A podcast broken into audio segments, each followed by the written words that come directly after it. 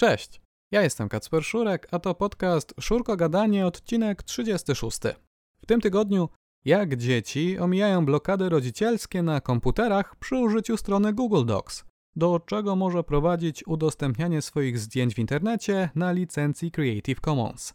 Bezpieczne przechowywanie plików w chmurze, o konfiguracji współdzielonych folderów w usłudze Box.com, co było powodem unieważnienia 2 milionów certyfikatów SSL o brakującym bicie w numerze seryjnym. Czy wiesz, co można odnaleźć w zakładce Ważne miejsca w iPhone'ie, a także o badaniu pokazującym, kiedy programiści piszą swój kod w bezpieczny sposób.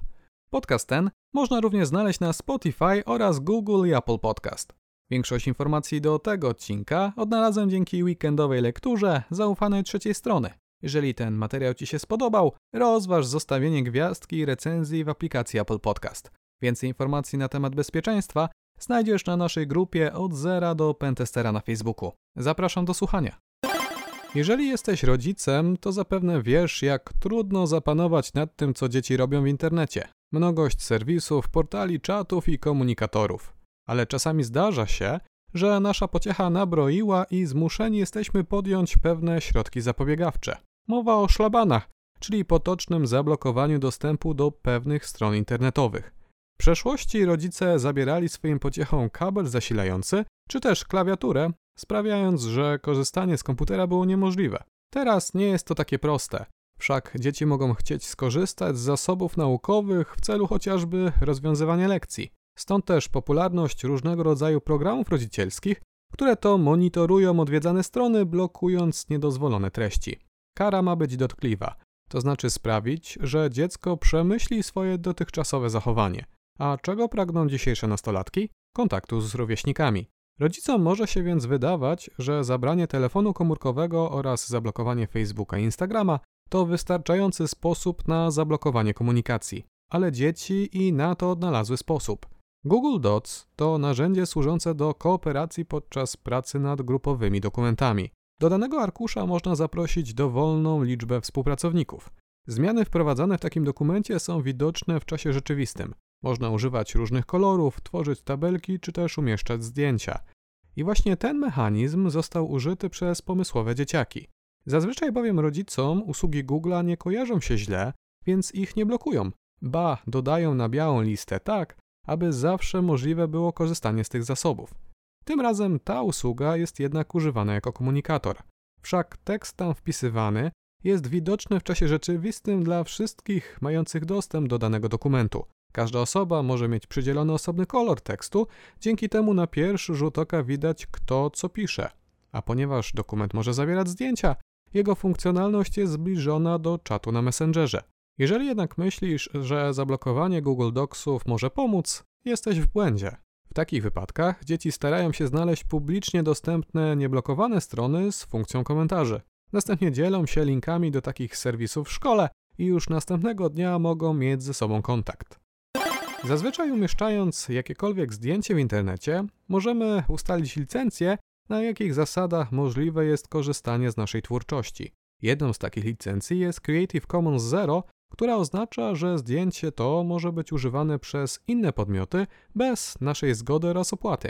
Tego rodzaju obrazy bardzo często są wykorzystywane chociażby przez twórców na YouTube, czy też przez różnego rodzaju strony internetowe. Można tak bowiem za darmo upiększyć artykuły i wideo, równocześnie nie musząc martwić się o prawa autorskie oraz umieszczanie odnośników do stron twórców danych materiałów. Dla twórcy jest to szansa na darmową reklamę, a nuż komuś spodoba się jego twórczość i będzie chciał współpracować na stopie profesjonalnej. Zgody udzielamy również wysyłając zdjęcie na dowolne portale społecznościowe. Rodzaj zgody zależy od serwisu i jego regulaminu, który to musimy zaakceptować podczas zakładania konta. Może się zatem okazać, iż wysyłając nasze zdjęcia na platformę społecznościową, równocześnie udzielamy jej właścicielom zgody na używanie naszego zdjęcia, chociażby do promocji danego portalu. Ale dzisiaj chcę opowiedzieć o prawach autorskich w kontekście rozpoznawania twarzy. Algorytmy uczenia maszynowego coraz lepiej rozpoznają nasze oblicza i są w stanie przyporządkować zdjęcie do danej osoby. Ale oczywiście, aby algorytmy działały coraz lepiej, muszą procesować sporą ilość danych. W przeszłości działało to trochę inaczej niż teraz.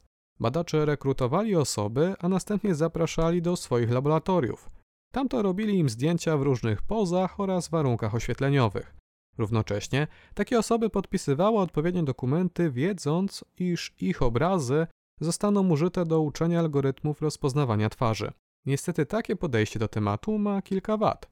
Po pierwsze, jest drogie, ponieważ każdej z osób trzeba zapłacić za udział w takiej sesji. Po drugie, mamy tutaj do czynienia ze słabą różnorodnością, bowiem nawet największe tego rodzaju bazy składały się tylko z paru setek różnych twarzy. Sytuacja ta zmieniła się wraz z nadejściem internetu. Teraz badacze mogli kopiować zdjęcia sławnych osób dostępne w otchłaniach internetu. Dzięki temu znacząco zwiększyła się różnorodność dostępnych obrazów. Obecnie trend ten jeszcze bardziej ewoluował.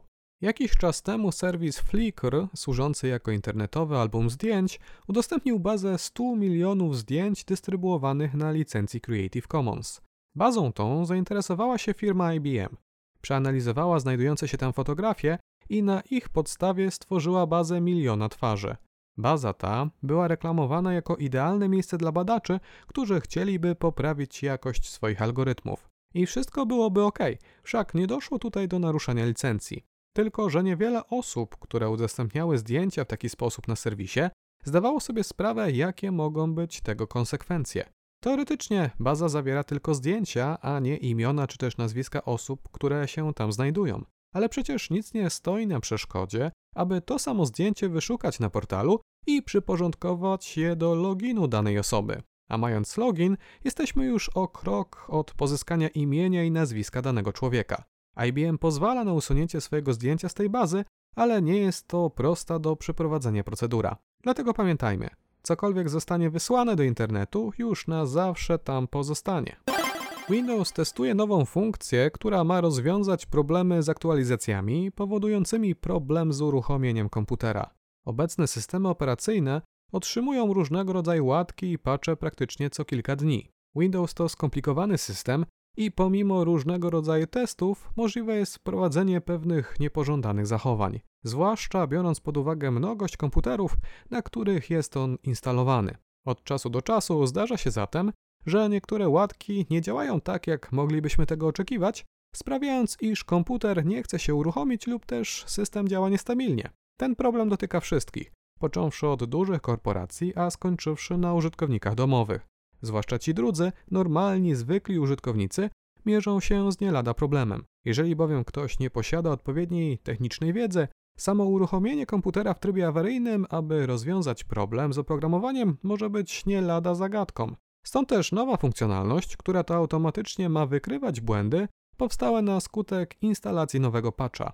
Jeżeli komputer nie będzie po takiej instalacji działał prawidłowo, poprawka zostanie automatycznie usunięta z systemu. Co więcej, jej ponowna instalacja zostanie zablokowana na kolejne 30 dni, tak aby sytuacja nie powtórzyła się ponownie. Oczywiście zaawansowani użytkownicy będą mogli wymusić ponowną instalację poprawki, jeżeli stwierdzą, że nie ona jest powodem takiego działania systemu.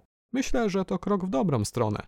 Pytanie tylko, czy ten mechanizm będzie rzeczywiście działał tak dobrze, jak reklamuje go firma. Poczekamy, zobaczymy. W tym podcaście już wielokrotnie informowałem o wyciekach danych z kubełków S3, ale Amazon to nie jedyne miejsce, gdzie firmy mogą przetrzymywać swoje dane. Firm, które oferują podobną funkcjonalność jest wiele, m.in. Dropbox, Microsoft OneDrive czy też Google G Suite. Usługę taką oferuje również firma Box. W ofercie dla przedsiębiorstw każda firma otrzymuje swoją unikalną subdomenę.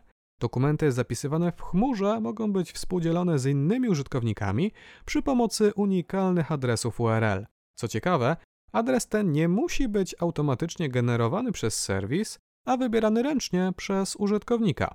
I to okazało się być nie lada problemem. Jedna z firm postanowiła przyglądnąć się temu rozwiązaniu. Na początek należało sprawdzić, jakie firmy posiadają wykupioną usługę przechowywania danych w chmurze – Uzyskanie tych danych nie było zbyt skomplikowane. Wystarczyło bowiem wejść na adres nazwa firmy.app.box.com. Jeżeli naszym oczom ukazywał się ekran logowania wraz z logiem firmy, oznaczało to, że trafiliśmy. Posiadając wiedzę o firmach korzystających z narzędzia, można było przystąpić do sprawdzania różnych nazw. Tutaj wykorzystano różnego rodzaju słowniki. Adresy URL bowiem były dostępne w formie firma appbox.com v nazwa pliku. W tym wypadku wyniki zaczęły się pojawiać szybciej niż się tego spodziewano. To tylko demonstruje, że ludzie mają tendencję do wymyślania łatwych do zapamiętania nazw. Oprócz zasobów, które były publicznie dostępne, takich jak materiały reklamowe, uzyskano dostęp do sporej ilości tajnych danych, m.in. skanów paszportów, prototypów różnego rodzaju technologii, numerów ubezpieczeń społecznych czy też dokumentów finansowych. Jak zatem chronić się przed tego rodzaju wyciekami? Administrator powinien skonfigurować współdzielenie linków w taki sposób, aby standardowo dostępne były one tylko dla osób z danej organizacji. Wtedy to, nawet jeżeli atakujący zgadnie adres linku prowadzącego do danego zasobu, będzie musiał jeszcze pozyskać login i hasło jakiegokolwiek pracownika. Administratorzy mają również dostęp do raportów, w których to można znaleźć informacje na temat wszystkich publicznie dostępnych plików. Kolejny przykład, że trzymanie danych w chmurze nie wystarczy, aby było niebezpieczne. Należy to jeszcze robić w prawidłowy sposób. Certification Authority Browser Forum to organizacja zrzeszająca urzędy certyfikacji, producentów przeglądarek oraz systemów operacyjnych. Organizacja odpowiedzialna jest za tworzenie wytycznych, których to muszą przestrzegać urzędy certyfikacji, aby traktowane były przez przeglądarki systemy operacyjne jako zaufane. To właśnie na zaufaniu opiera się dzisiejszy model certyfikatów i podpisów elektronicznych. Producenci ufają, że urzędy przestrzegają wszystkich wytycznych, co gwarantuje, że certyfikaty są wydawane w prawidłowy sposób i nie dochodzi do nadużyć.